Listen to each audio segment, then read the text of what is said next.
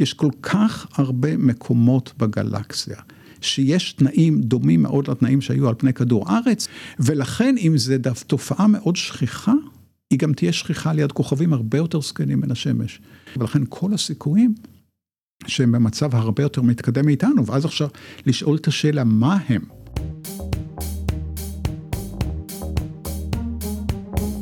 המצב הפוסט-אנושי, פודקאסט על טכנולוגיה, תרבות ורוח, עם דוקטור כרמל וייסמן.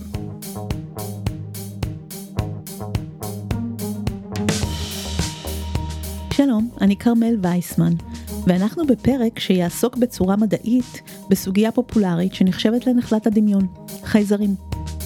בפרק שעבר ביקרנו את כשל הדמיון של המדע הבדיוני לגבי חייזרים. בפרק הנוכחי אני מארחת את פרופסור חגי נצר, אסטרונום מאוניברסיטת תל אביב, שחיבר יחד עם עמי בן בסט את הספר מפגשים בשביל החלב, ונספק לכם ולכן כמה תשובות מפתיעות לגבי חיים תבוניים אחרים בגלקסיה שלנו. האם הם באמת קיימים שם בחוץ?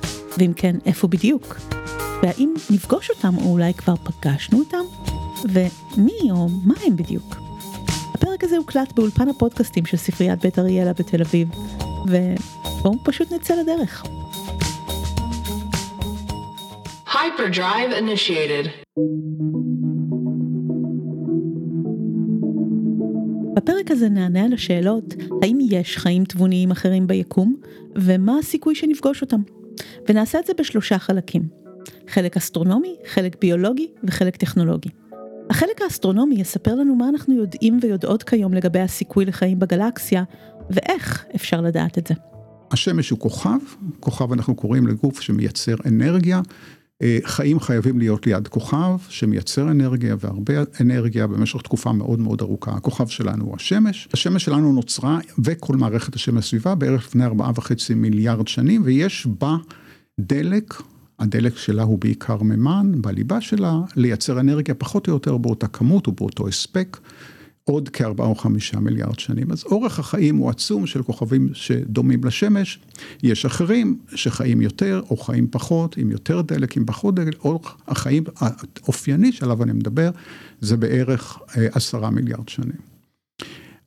מסביב לנו, בעין בלתי מזוינת, רואים מספר מאוד קטן, כמה אלפים, אבל יש לנו היום טלסקופים מאוד מאוד משוכללים, ואנחנו יודעים שאנחנו חיים באוסף גדול של כוכבים, שנקרא גלקסיה, שיש בה בין 100 מיליארד ל-200 מיליארד כוכבים. הגלקסיה הזאת שלנו, נקראת גלקסיית שביל החלב, היא עצומה בגודלה, אדירה בגודלה.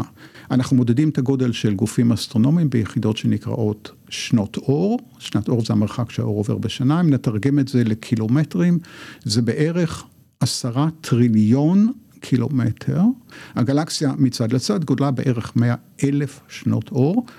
וכל זה הוא כאין או כאפס לעומת מרחקים שאנחנו אה, צריכים כדי למדוד מרחק לגלקסיות אחרות, משום שבעזרת טלסקופים רואים שביקום שלנו מלא מיליארדי גלקסיות נוספות, והמרחקים לחלקה נמדדים במיליוני ומיליארדי שנות אור. וזאת הסיבה שנהוג בתחום הזה, וגם אני אעשה היום, לדבר רק על הגלקסיה שלנו, זה מספיק גדול. אז מה בעצם מחפשים כאשר מחפשים חיים במקומות אחרים ביקום? למעשה, קודם כל וראשית כל מנסים לענות על השאלה האם ליד כוכבים אחרים, האם יש תנאים מתאימים לחיים. ותנאים מתאימים לחיים, נצמצם את זה מאוד ונאמר תנאים שדומים לתנאים ששררו כאן על כדור הארץ, כאשר הוא נוצר, לפני ארבעה וחצי מיליארד שנים בקרוב. אז זאת השאלה הראשונה, וכדי לענות עליה, צריך קודם כל שיהיו לנו טכנולוגיות לגלות פלנטות ליד כוכבים אחרים. הם גופים קטנים וקרים ליד גוף מאוד מאוד אה, אה, מאיר, פולט המון המון אנרגיה וקשה מאוד לגלות את זה.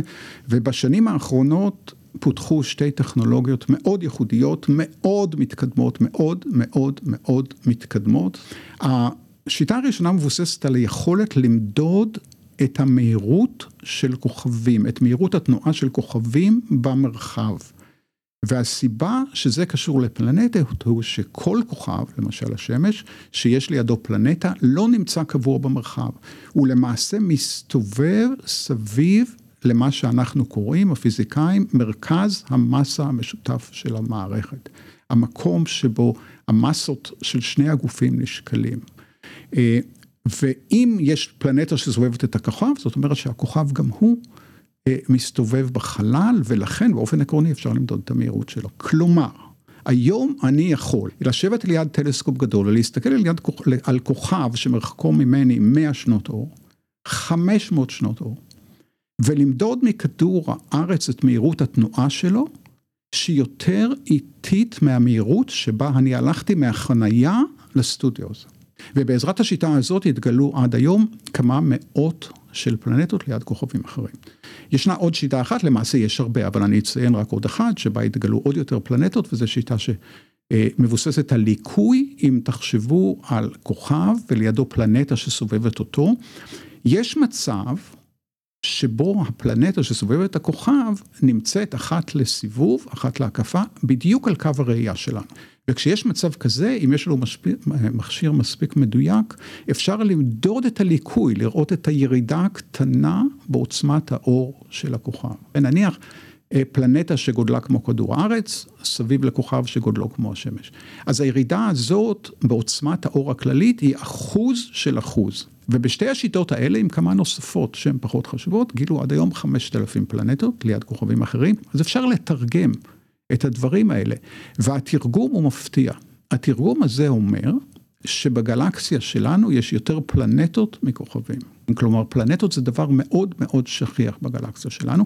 והדבר השני, החשוב לא פחות, הוא השאלה איפה יחסית לכוכב, או באיזה מרחק מן הכוכב מסתובבת לה הפלנטה. משום שאם הפלנטה רחוקה יותר, אם זה כוכב דומה לשמש, רחוקה יותר מאשר המרחק שלנו מהשמש, נניח במרחק של מאדים, יהיה שם כל כך קר שאם יש מים על פני השטח הם יהפכו לקרח. ואם היא תהיה נניח במרחק של נוגה, שהוא יותר קרוב מכדור הארץ, המי, הטמפרטורה שם תהיה כל כך, אה, אה, כל כך גבוהה משום המרחק הקטן לשמש, שכל המים ירתחו, אפילו בהתחלה נוצרו מים באוקיינוסים. ואנחנו חושבים היום על סמך הביולוגיה של החיים, שכדי שיווצרו חיים ויתפתחו חיים, לפחות החיים הפרימיטיביים, זה דרוש, דרושים מים נוזלים במצב צבירה נוזלי. ולכן מאוד חשוב לדעת כמה מהפלנטות האלה נמצאות במקום הזה שקוראים לו, אנחנו קוראים לו אזור תואם חיים. אנחנו מניחים שהחיים יהיו ביולוגיים, חיים מבוססי פחמן. מים זה בסיס אחר לגמרי לחיים ואנחנו לא יודעים מה אנחנו מחפשים. אנחנו מניחים שהחיים שאותם אנחנו מחפשים דומים מאוד לחיים על פני כדור הארץ, החיים על פני כדור הארץ הם בעצם מבוססי פחמן ומים, ציינת את שני הדברים. זה לא אומר שלא יכולים להיווצר חיים עם מרכיבים אחרים וכבר דנו בזה ודיברו על זה. ופעם זה היה נחשב נורא חשוב, כי חשבו שזו תופעה כל כך נדירה, אז בואו נחשב על דברים אחרים. למשל, דיברו לשם הדוגמה על שילוב של צורן ואמוניה נוזלית. היום לא עוסקים בזה לא משום שזה לא יכול לקרות, אלא משום שיש כל כך הרבה מקומות בגלקסיה. שיש תנאים דומים מאוד לתנאים שהיו על פני כדור הארץ, שמוטב להתרכז בזה. מה זה בכל כך הרבה מקומות? אז היום אנחנו יודעים שמספר המקומות של פלנטות שהן בגודלו של כדור הארץ, בגודלה של הפלנטה שלנו, שהיא באזור תואם חיים, שם המים הם במצב צבירה נוזלי, יש כשלוש מאות מיליון רק כאלה, ואני רק מדבר על כוכבים שהם דמויי שמש, דומים מאוד לשמש. אם נספור את כל הכוכבים שלידם, באופן עקרוני יכולים להיווצר חיים, מדובר על כמה מיליארדים. והשאלה הבאה היא, אה, אחרי שכל התנאים מתאימים ואחרי שכל המספרים הגדולים, האם יש שם חיים? האם האסטרונומים יכולים לענות על השאלה הזאת באמצעים האסטרונומיים שיש ברשותנו? והתשובה היא לא. אז מדוע לא? משום שכל האמצעים שדיברתי עליהם עד עכשיו עדיין לא מספיקים כדי לראות מספיק בפרוטרוט לאותם מקומות, משום שהם מאוד מאוד רחוקים. נעשה צעד מאוד גדול בחצי שנה האחרונה, בסוף השנה הקודמת, בדצמבר 2021 שוגר טלסקופ מאוד גדול לחלל, James Webb Space Telescope למקצוענים בינינו, והטלסקופ הזה שנמצא מיליון קילומטר מכדור הארץ, יש יכולות תצפית מדהימות יחסית לכל דבר שהיה בידינו, אבל גם הוא לא, יכול לא יוכל לענות על השאלות, לא יכול ולא יוכל. הוא יוכל לראות אטמוספרות של פלנטות, אבל זה לא מספיק כדי לראות חיים. ואני יכול לעשות קצת אה, אקסטרפולציה לעתיד על סמך מה שידוע לי, על סמך מה שידוע לנו, ולשאול את השאלה, האם יש סיכוי שבעוד אה, עשר שנים נניח, אנחנו אסטרונומים נוכל לבנות ונקבל כסף לבנות מכשיר כל כך מדויק שיוכל לראות פרטים כאלה קטנים, נניח עיר גדולה, אם יש שם חיים והם רוצים לחיות בערים, זו שאלה מעניינת בפני עצמה, אה, ממצפה ליד כדור הארץ והתשובה היא לא. לא בעשר שנים וגם לא בחמישים שנה למיטב ידיעתי. מה אם לא לראות, אלא לנסוע באיזושהי צורה? כלומר, אפילו לא אנחנו, שאולי אנחנו לא יכולים להתקרב למהירות האור, אלא לשלוח לשם גשושית, רובוט, ננו לוויין, משהו שהוא... זאת אומרת, איפה, איפה, כמה רחוקה הפלנטה הכי קרובה? אז הפלנטה הכי קרובה אלינו היא במרחק של ארבע שנות אור. אה, לא ברור אם התנאים שם ממש מתאימים לחיים, אבל כנראה שכן. במרחק של מכאן ועד עשר שנות אור, אה, יש כבר אה, כמה מאות ואפילו אלפי פלנטות מתאימות לחיים, עד מאה שנות אור. מאיתנו הרבה אלפים, 100 שנות אור זה מרחק אדיר, אבל זה עדיין מרחק קטנטן יחסית לממדי הגלקסיה. ואפשר גם לשאול שאלה, אולי אפשר באמצעים אסטרונומיים אחרים לקלוט שידורים שיצורים תבוניים ממקומות אחרים שלחו לנו. קוראים לזה סטי בשפה שלנו, Search for Extraterrestrial Intelligence, זה בנוי על המחשבה או התקווה שאם יש יצורים תבונים ממקומות אחרים, הם ישדרו אלינו שידורי רדיו, אבל כל מה שנעשה עד עכשיו וחיפשו לא מעט, לא מצאו שום דבר. אז מהחלק האסטרונומי של הסיפור למדנו שלא צריך אפילו להתפרע מדמיון כמו שהצענו בפרק שעבר. כי התנאים לחיים דומים לשלנו הם תופעה שכיחה מאוד ביקום, אפילו רק בגלקסיה שלנו. אז מנקודת מבט אסטרונומית זה אפילו לא הגיוני לחשוב שאנחנו לבד. פשוט אין לנו את הטכנולוגיה למצוא את האחרים. אבל יש גם את הפן הביולוגי. כי לא בטוח שבכל מקום שבו יש תנאים לחיים, אכן נוצרים חיים. בשביל זה צריך לדעת משהו על איך נוצרים חיים. אנחנו רוצים לחשוב שאם התנאים במקומות אחרים רחוקים, פלנטות רחוקות דומים מאוד לתנאים שהיו כאן, אולי גם שם התרחשו תהליכים דומים. אז אנחנו יודעים שכדור הארץ נוצר בערך לפני 4.5 מיליארד שנים, ואנחנו יודעים שהתקופה הראשונה של בערך 800 מיליון שנה הייתה מאוד מאוד סוערת, היו הרבה גופים בסביבה שהתנגשו בכדור הארץ, שביטים, אסטרואידים, גופים עוד הרבה הרבה יותר גדולים, למשל הירח כנראה. אה, נוצר על ידי התנגשות של כדור הארץ הקדמון עם גוף מאוד מאוד גדול, אה, שווה בגודלו למאדים, גוף אדיר בגודלו. ואחרי בערך 800 מיליון שנים, ההתנגשות, שניות פחדו, פחתו, סליחה, וגם הגיע, היו הרבה מאוד, הגיעו הרבה מאוד מים לכדור הארץ, גם משביטים שהתנגשו, גם ממים שהיו בכדור הארץ הצעיר, שיצאו בהתפרצויות וולקניות לחלל, לאטמוספירה, ואחר כך התאדו, התעבו ונהפכו למים באוקיינוסים, ואנחנו יודעים שבערך לפני, לאחר 800 מיליון שנים, נוצרו החיים הראשונים על פני כדור הארץ.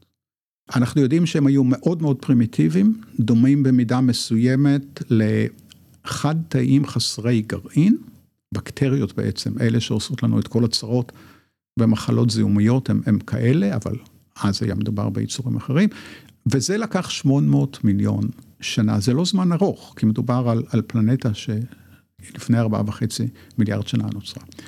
ומאז התחילה מה שנקרא האבולוציה הביולוגית, שאנחנו מבינים אותה לא רע, והסיפור הזה לקח אה, קצת פחות מארבעה מיליארד שנים עד שהופענו אנחנו. מאוד חשוב להבין מתי אנחנו הופענו. ההומו ספיאנס, האדם הנבון, הופיע על פני הפלנטה בערך לפני 200 אלף או 300 אלף שנים. זה זמן קצרצר יחסית לזמן האבולוציה הביולוגית.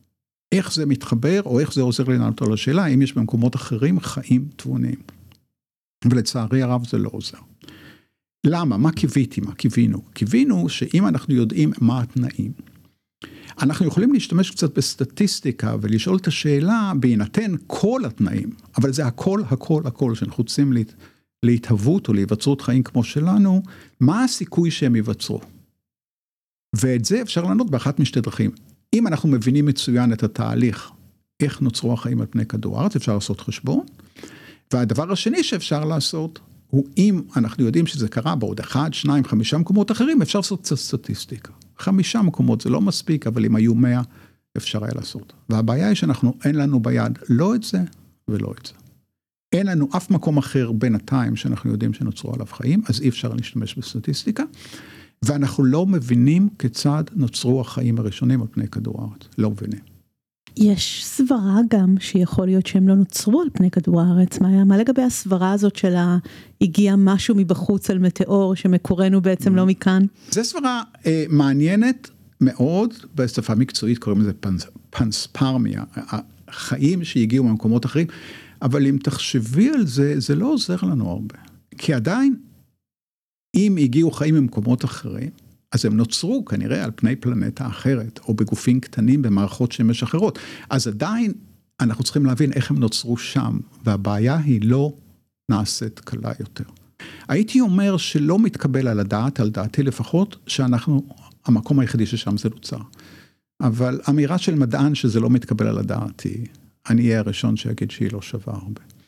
והדבר השני, נניח שנוצרו ונניח שזה מאוד שכיח ונניח שבכל מקום או כמעט בכל מקום שהתנאים מתאימים, נוצרו חיים פרימיטיביים ועברו אבולוציה דרוויניסטית או דומה לזה, כי זה באמת תהליך שאנחנו בונים מצוין. השאלה השנייה היא, כמה זמן לקח עד ששם יופיע מין תבוני. ואין שום סיבה לחשוב שפרק הזמן שם יהיה דומה לפרק הזמן שזה ארך כאן. משום שכל מה שאנחנו יודעים על אבולוציה, אנחנו יודעים איך היא מתקדמת, אנחנו יודעים איך נוצרים מינים, אנחנו יודעים איך מוכחדים מינים או מסיימים את חייהם, אבל קצב התהליך הוא לא ברור, ויכול להיות מצבים, מה שאנחנו יודעים על אבולוציה, שיווצרו יצורים מאוד מפותחים, מורכבים, נניח דוגמת היונקים שיש כאן, או דברים כאלה, ולא ייווצר אדם תבוני. ואני רוצה החל מעכשיו לשנות קצת את השם ולא לקרוא לזה תבוני, אלא לקרוא לזה תקשורתי. מה שבאמת מבדיל אותנו זה היכולת לתקשר מרחוק. אז מה שמבדיל זה הטכנולוגיה. בפירוש. אז מה שמבדיל הטכנולוגיה, אם תרצי, היכולת לפתח טכנולוגיה שמאפשרת לתקשר מרחוק. לגבי השאלה אם יש חיים במקומות אחרים, היום המשחק הוא במגרש של הביולוגיה. שם עיקר, שם עיקר הבורות, אם תרצו. אחת מהשערות ראשית החיים דיברה על זה שלא רק אטומי פחמן התחילו להשתכפל אלא גם סיליקון, הייתה איזושהי יכולת שכפול קטנה בסיליקון.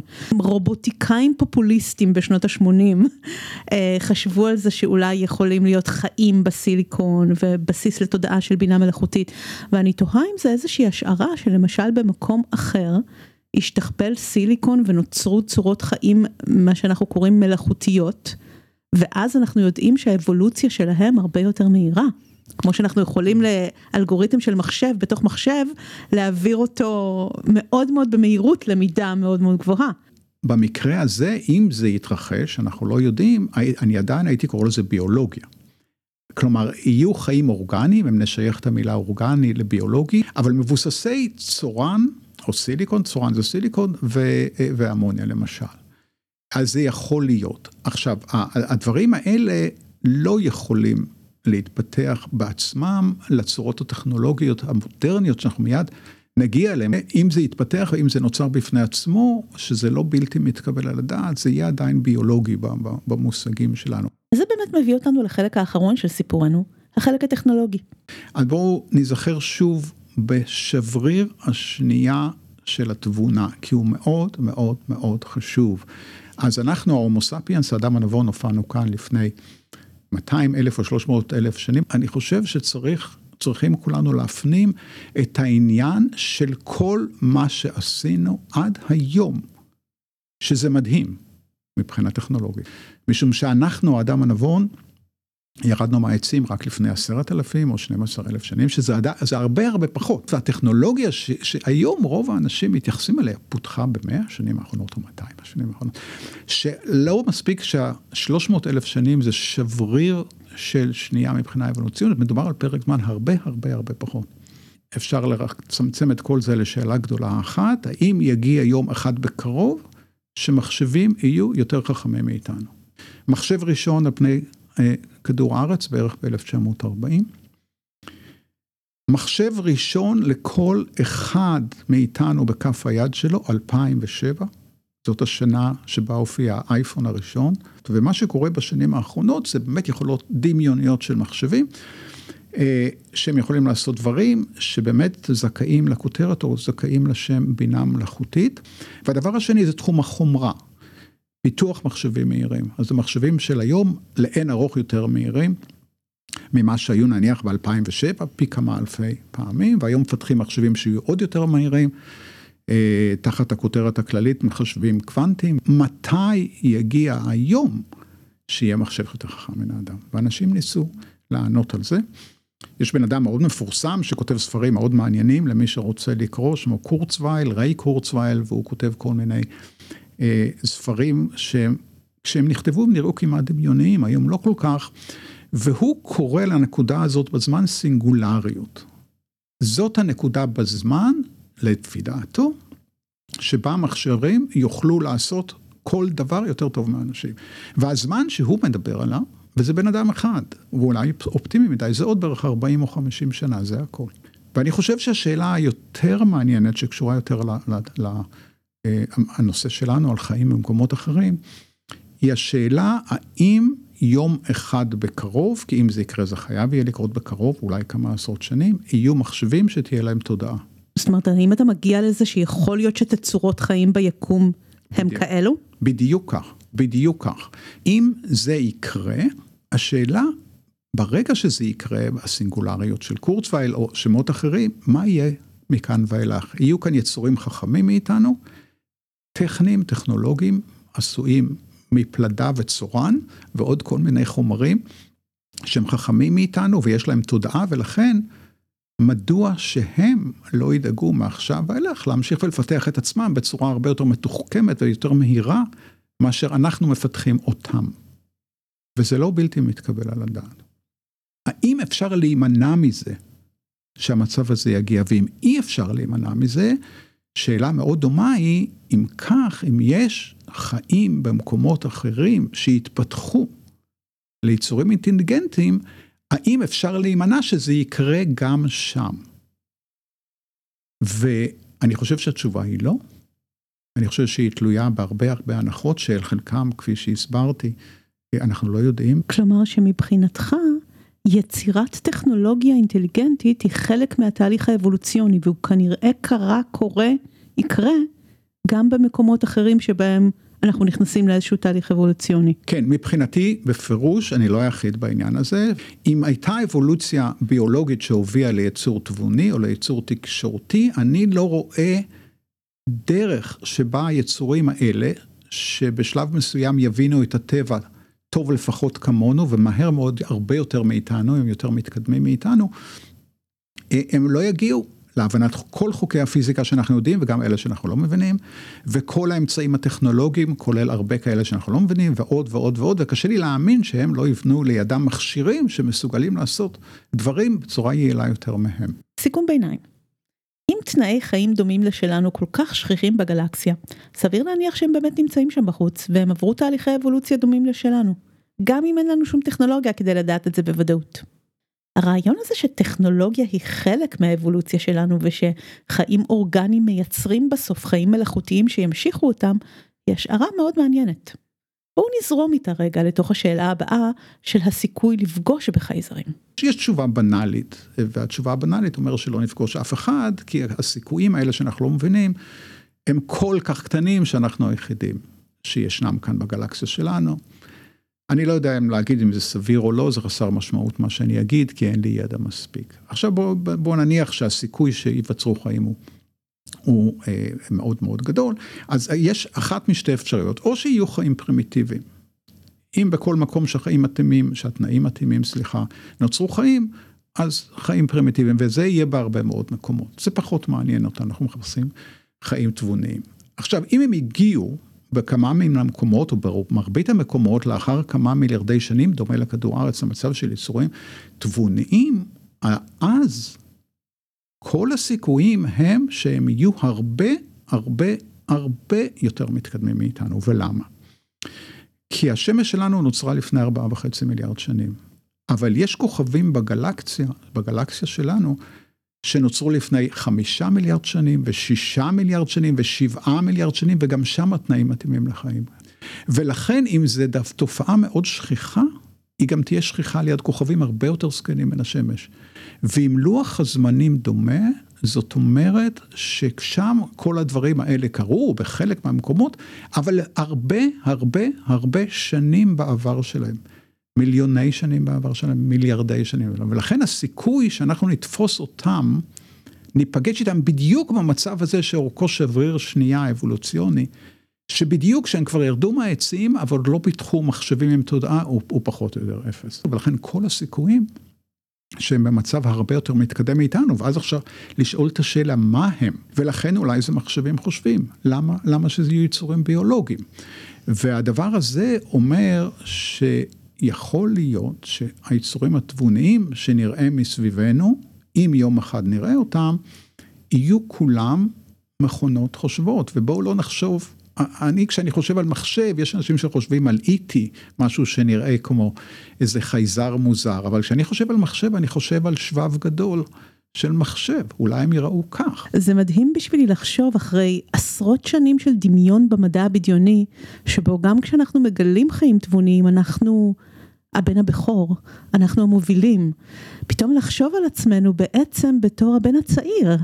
הסיכוי שאנחנו הבן הבכור וזה אפשר לעשות את החשבון, כי אנחנו יודעים מה הגילאים של הכוכבים בגלקסיה שלנו, וכמה יותר זקנים מהשמש, הוא מאוד מאוד נמוך.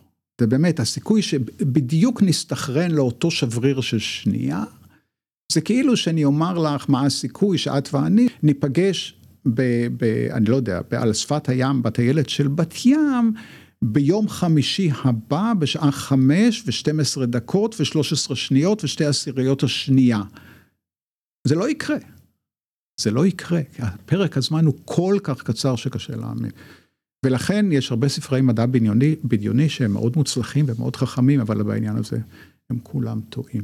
בהתבסס על מה שלמדנו מהחלק האסטרונומי, הטענה ההסתברותית הזאת מאוד משכנעת.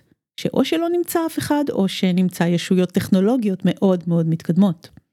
אבל רגע, מה אם הן מצאו אותנו קודם? מה אם כבר בעצם נפגשנו? פה נכנסים לתמונה שני אירועים משמעותיים מהשנים האחרונות. הראשון הוא דוח הפנטגון מהשנה שעברה. ביוני 2021, לפני קצת יותר משנה, הוגש לקונגרס האמריקאי דוח של הפנטגון, שתפקידו היה לענות על השאלה מה הם אותם כלי טיס מוזרים שנראים בשמי ארצות הברית במשך 18 או 19 השנים שלפני כן, כל העניין התחיל, הוועדה הוקמה ב-2004 ואיש לא ידע עליה, הכל היה סודי ושו שו שו, אבל מה שהוא אמר, הוא אמר שבעצם בתקופה של כמעט 20 שנה, הוועדה המיוחדת הזאת חקרה בצורה מאוד מאוד יסודית מספר מאוד גדול של תופעות מן הסוג הזו שנצפו, בעיקר ליד ספינות של הצי האמריקאי. אה, הם הגישו לקונגרס דוח על 144 מקרים, אבל הם חקרו הרבה הרבה יותר, והם ניסו לבדוק בעצם את השאלה האם יש בכלי הטיס האלה סכנה לביטחון ארצות הברית. המסקנה שלהם הייתה שהם לא מסוגלים להבין איך טסים כלי הטיס האלה. יש להם טכנולוגיות שלמיטב המומחים שלהם אין על פני כדור הארץ טכנולוגיות כאלה, הם גם ניסו לבדוק אולי זה איום ממעצמה זרה, הם הגיעו למסקנה שהטכנולוגיות האלה אין לאף מעצמה זרה ואין לארצות הברית. ולכן הם לא יודעים מה זה, ומתוך ההנחה או האמירה שהם לא יודעים מה זה, התחילו כל מיני אנשים חשובים לומר מה זה יכול להיות. ראש נאס"א, שמו ביל נלסון, אמר שהוא כמעט בטוח שמדובר בטכנולוגיה שהגיעה מחוץ לכדור הארץ, ואמרו עוד אנשים חשובים, אובמה. הנשיא אובמה, אני שמעתי אותו אומר בקולו שלו, זה דברים שאנחנו לא יודעים להסביר, וכנראה הם הגיעו ממקומות אחרים. התצפיות של הפנטגון והבדיקות של הפנטגון והמסקנות שלהם הן מאוד מאוד קיצוניות. זה הפעם הראשונה בהיסטוריה של המין האנושי שמישהו אמר דבר כל כך מפורש בצורה כל כך אמינה והוציא את זה לציבור. יכול להיות שהתשובה היא ישויות מלאכותיות מעולם אחר? יכול מאוד להיות, וגם שם אנחנו לא יודעים. כל כך מתקבל על הדעת שזה יקרה שאולי זה מה שקרה. שהדוח של הפנטגון לפחות חלקו הגלוי מדבר על זה, ויש אנשים שיודעים שיש גם חלק חסוי ושואלים את השאלה, מה יש בחלק החסוי? היה פיזיקאי מאוד חכם, פרמי, אנריקו פרמי, חתן פרס נובל לפיזיקה לפני המון שנים, אה, באמצע המאה ה-20, והוא יום אחד שאל, כשדיברו על הבעיה הזאת, הסיפור הוא שהוא שאל, אז היכן כולם? כלומר, אם זה הסיפור, ואם הכל כל כך הגיוני בסיפור, קשה להאמין שיצורים כאלה לא יחליטו יום אחד לצאת למסע בגלקסיה, ואם הם יחליטו, אין ספק שהם יפתחו כלי טיס מתאימים, ואין ספק שבתוך זמן קצר יחסית לשנים הארוכות, למיליארדי השנים שעליהם אנחנו מדברים, הם יגיעו לכל מקום בגלקסיה. ואין שום ספק שהם לא יפספסו את מערכת השמש ופלנטה שבדיוק מתאימה ויבדקו אותה. אז השאלה של פרמי בעצם הייתה, היכן כולם? ויש אנשים שלוקחים את השאלה הזאת יותר רחוק, יותר קיצוני, ואומרים, כיוון שאף אחד עוד לא ביקר אותנו, זאת אומרת שאין אף אחד אחר. אבל עכשיו אנחנו חוזרים לדוח של הפנטגון ושואלים, האם אמנם אף אחד לא ביקר אותנו או לא מבקר אותנו, ולצערי הרב, אני לא יודע עדיין את התשובה, אבל אני חושב שמהכיוון הזה, יש סיכוי טוב שבעתיד הקרוב מאוד, בשנים ספורות נשמע עוד, לפחות נשמע עוד על מה הם יודעים. כאן אולי יש סיכוי למי שהיה רוצה לראות אותו בזמן חייו הוא או היא, שאולי זה יקרה. אבל לא בגלל האסטרונומיה והביולוגיה והבינה המלאכותית הרגילה שלנו. האירוע המשמעותי השני הוא ההופעה של עצם שמימי שזכה לכינוי אומואמואה או משהו כזה, זה בשפת הוואי שליח מהעבר הרחוק שמושיט יד כדי להגיע אלינו. ופרופסור אבי לייב, ראש מחלקת האסטרונומיה בהרווארד, מתעקש שמדובר באב"ם. לפני בערך ארבע או חמש שנים הופיע איזה גוף שמאוד קטן במערכת השמש, שתצפיות בו הראו שהוא הגיע מחוץ למערכת השמש. ושם אפשר לדעת אם הוא הגיע מחוץ למערכת השמש, כי אפשר למדוד את המהירות, והמהירות היא כל כך גדולה שהוא ודאי הגיע מחוץ למערכת השמש. ואז הופיע יום אחד איזשהו הסבר, איזושהי הצעה להסבר, על ידי אסטרונום מאוד ידוע, אה, בארצות הברית, אגב ממוצא ישראלי, שמו אבי לב, ש, שטען ב, עם שותף שלו שמדובר על איזשהו שבר של כלי טיס, שנבנה על ידי יצורים במקומות אחרים, על ידי יצורים קבועים במקומות אחרים, ושהוא הגיע אה, למערכת השמש מסיבה כזאת או אחרת, נכנס למערכת השמש, הגיע מאוד מאוד רחוק, בעצם זה משהו מלאכותי. זה לא אה, אסטרואיד או כוכב שביט או דברים כאלה שמבחינת הגודל זה יותר מתאים. והוא דבק בעניין הזה, ויש עוד אנשים שחושבים כמוהו, ויש הרבה מאוד אנשים שהגיעו, שנתנו הסברים אלטרנטיביים לתופעה הזאת. היום אנחנו לא יודעים מה נכון ומה לא. אני מאלה שמאמצים את ההסברים היותר טבעיים. אני חושב שתופעות כל כך יוצאות דופן צריכות הסבר יותר מפורט. אין הוכחה ממש ממש חזקה, מוצקה, שזה שבר של כלי אחר. אי אפשר לשלול את זה. אני מאלה שחושבים שיש לזה הסבר טבעי, ואגב, זה נדע עוד כמה שנים, כי בקרוב ודאי וודאי נמצא עוד, או נצפה בעוד גופים כאלה. הבנתי שיש משהו בתזוזה שלו, בצורה שהוא זז. נכון. שהוא לא טבעי, משהו בהאצה שלו, אתה יכול נכון. להסביר מה זה הדבר כן, הזה? כן, הדבר המיוחד בהומואמואה זה שהוא אה, הוא, הוא יצא, הוא נכנס למערכת השמש מאוד מרחוק, הוא חלף קרוב מאוד לשמש, במושגים של ממדי מערכת השמש, כמה מיליוני קילומטרים מהשמש, ואז הוא יצא חזרה כמו מסלול דומה למסלול של כוכב שביט, והמדידות שנעשו של המהירות שלו בזמן שהוא יצא החוצה, כלומר הלך והתרחק מהשמש, ראו שהוא מאיץ. והשאלה איך גוף כזה יכול להאיץ, והמחשבה וההצעה של אותו רבי לב הייתה שיש, שזה בעצם מין מפרש כזה, מין גוף מאוד מאוד דק, שטוח, דמו מפרש, ושמה שמאיץ אותו זה קרינת השמש. קרינת השמש, או בכלל אור, יכול להאיץ דברים שהם דקים וקלים. יש עוד דברים שמאיצים כשהם מתרחקים מהשמש, למשל כוכבי שביט, שהחומר שמתאדה מהם בזנב יכול לגרום להם להאצה, או אסטרואידים שמתאדה מהם חומר, שם לא ראו את זה, לא ראו התאדות של חומר שהוא סיבה אפשרית אחרת להאצה, אבל זה לא אומר שאין. משום שהיה מאוד קשה לצפות בו, היה מאוד רחוק שצפו בו, ולא היו לנו אמצעים למצוא אמצעי האצה הרבה יותר טבעיים, מקובלים, שאנחנו מכירים אותם מגופים אחרים במערכת השמש. אני חושבת על הרגעים האלו בסדרה סטארט-טרק, שהחלליות של הפדרציה צריכות להסוות את עצמם כאיזשהו עצם טבעי בפני ציוויליזציות שעוד לא הגיעו ליכולת לטוס לחלל ואסור להם להיחשף. וזה נראה לי מאוד הגיוני שהאומואמואה הזה דמוי הפנקייק יכול להיות איזשהו אנטרפרייז של פדרציה חייזרית. וזה מעניין שלמרות ההשערה שלו על מהות החייזרים, פרופסור נצר תומך בהסברים הטבעיים יותר דווקא במקרה הזה. ב-2020 פרופסור חיים אשד, איש רציני מאוד שעמד בראש תוכנית החלל הישראלית והוביל את פרויקט שיגור הלוויין אופק, עשה רעש גדול כשחשף שארצות הברית מקיימת קשר ארוך שנים עם חייזרים של חילופי טכנולוגיות ויש להם בסיס משותף במאדים, וגם הוא טען שהחייזרים הם ישויות טכנולוגיות למעשה. אבל פרופסור נצר סקפטי מאוד גם לגבי זה. בואי נענה על זה בצורה קצת יותר פוליטיקלי קורקט. במשך ההיסטוריה היו הרבה טענות כאלה של כל מיני אנשים. אני מאלה שרוצים לראות לכך עובדות.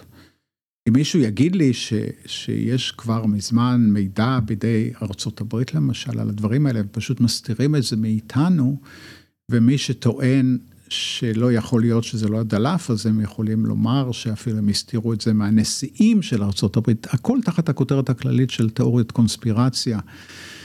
זה יכול להיות שזה קרה, אבל אני הייתי רוצה לראות איזושהי עדות מוצקה יותר שזה אומנם קיים.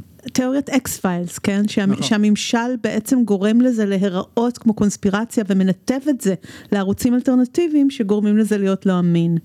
כן, אבל אפשר גם לשאול את השאלה בנוגע לקונספירציה. העדויות הראשונות על, על עכשיו נדבר על הבאמים, לא בדוח של הפנדגון, יש עדויות על, על דברים דומים מאוד לזה, שבדיעבד אנחנו מסתכלים ואומרים, זה מאוד דומה למה שקרה, נניח ב-20 השנים האחרונות, שהפנטגון חקר תחת הכותרת הבאמים, ויצורים או, או, או רובוטים מן החלל החיצון, יצורים מן החלל החיצון, עדויות מאוד מאוד מפורטות. ויחד עם זה, במקביל לשנת תיאוריות הקונספירציה, שנבדקו חלק מהם והוכח, ויש כאלה שאפילו טוענים שנתפסו חייזרים ושומרים אותם באיזה מקום מיוחד שאף אחד לא יכול להגיע. ו...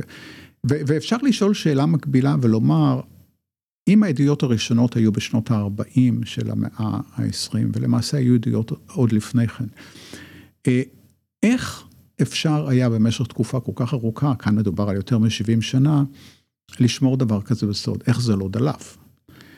אז uh, התשובה היא שזה כן דלף, אחרת את ואני לא היינו מדברים על זה תחת הכותרת של, של קונספירציה. אז זה מסוג הטענות שקשה לענות עליהן. אני לא יודע שזה לא נכון, אני לא יודע שזה נכון. ואני יודע מה אני עושה כשיש משהו שאני לא יודע אם הוא לא נכון או נכון. יש למדע דרכים לטפל בדברים האלה. והדרך לטפל בזה זה לנסות להגיע לעדויות מוצקות יותר. מקווה, אני אחזור על מה שאמרתי, שיכול להיות שלפנינו עוד סיבוב אחד לפחות של עדויות, כרגע מארצות הברית, של דברים שעדיין לא פורסמו, שאולי יהיו עוד יותר מעניינים מהדברים שפורסמו. יש הרבה אנשים שחושבים כך, נראה, נחכה בסבלנות.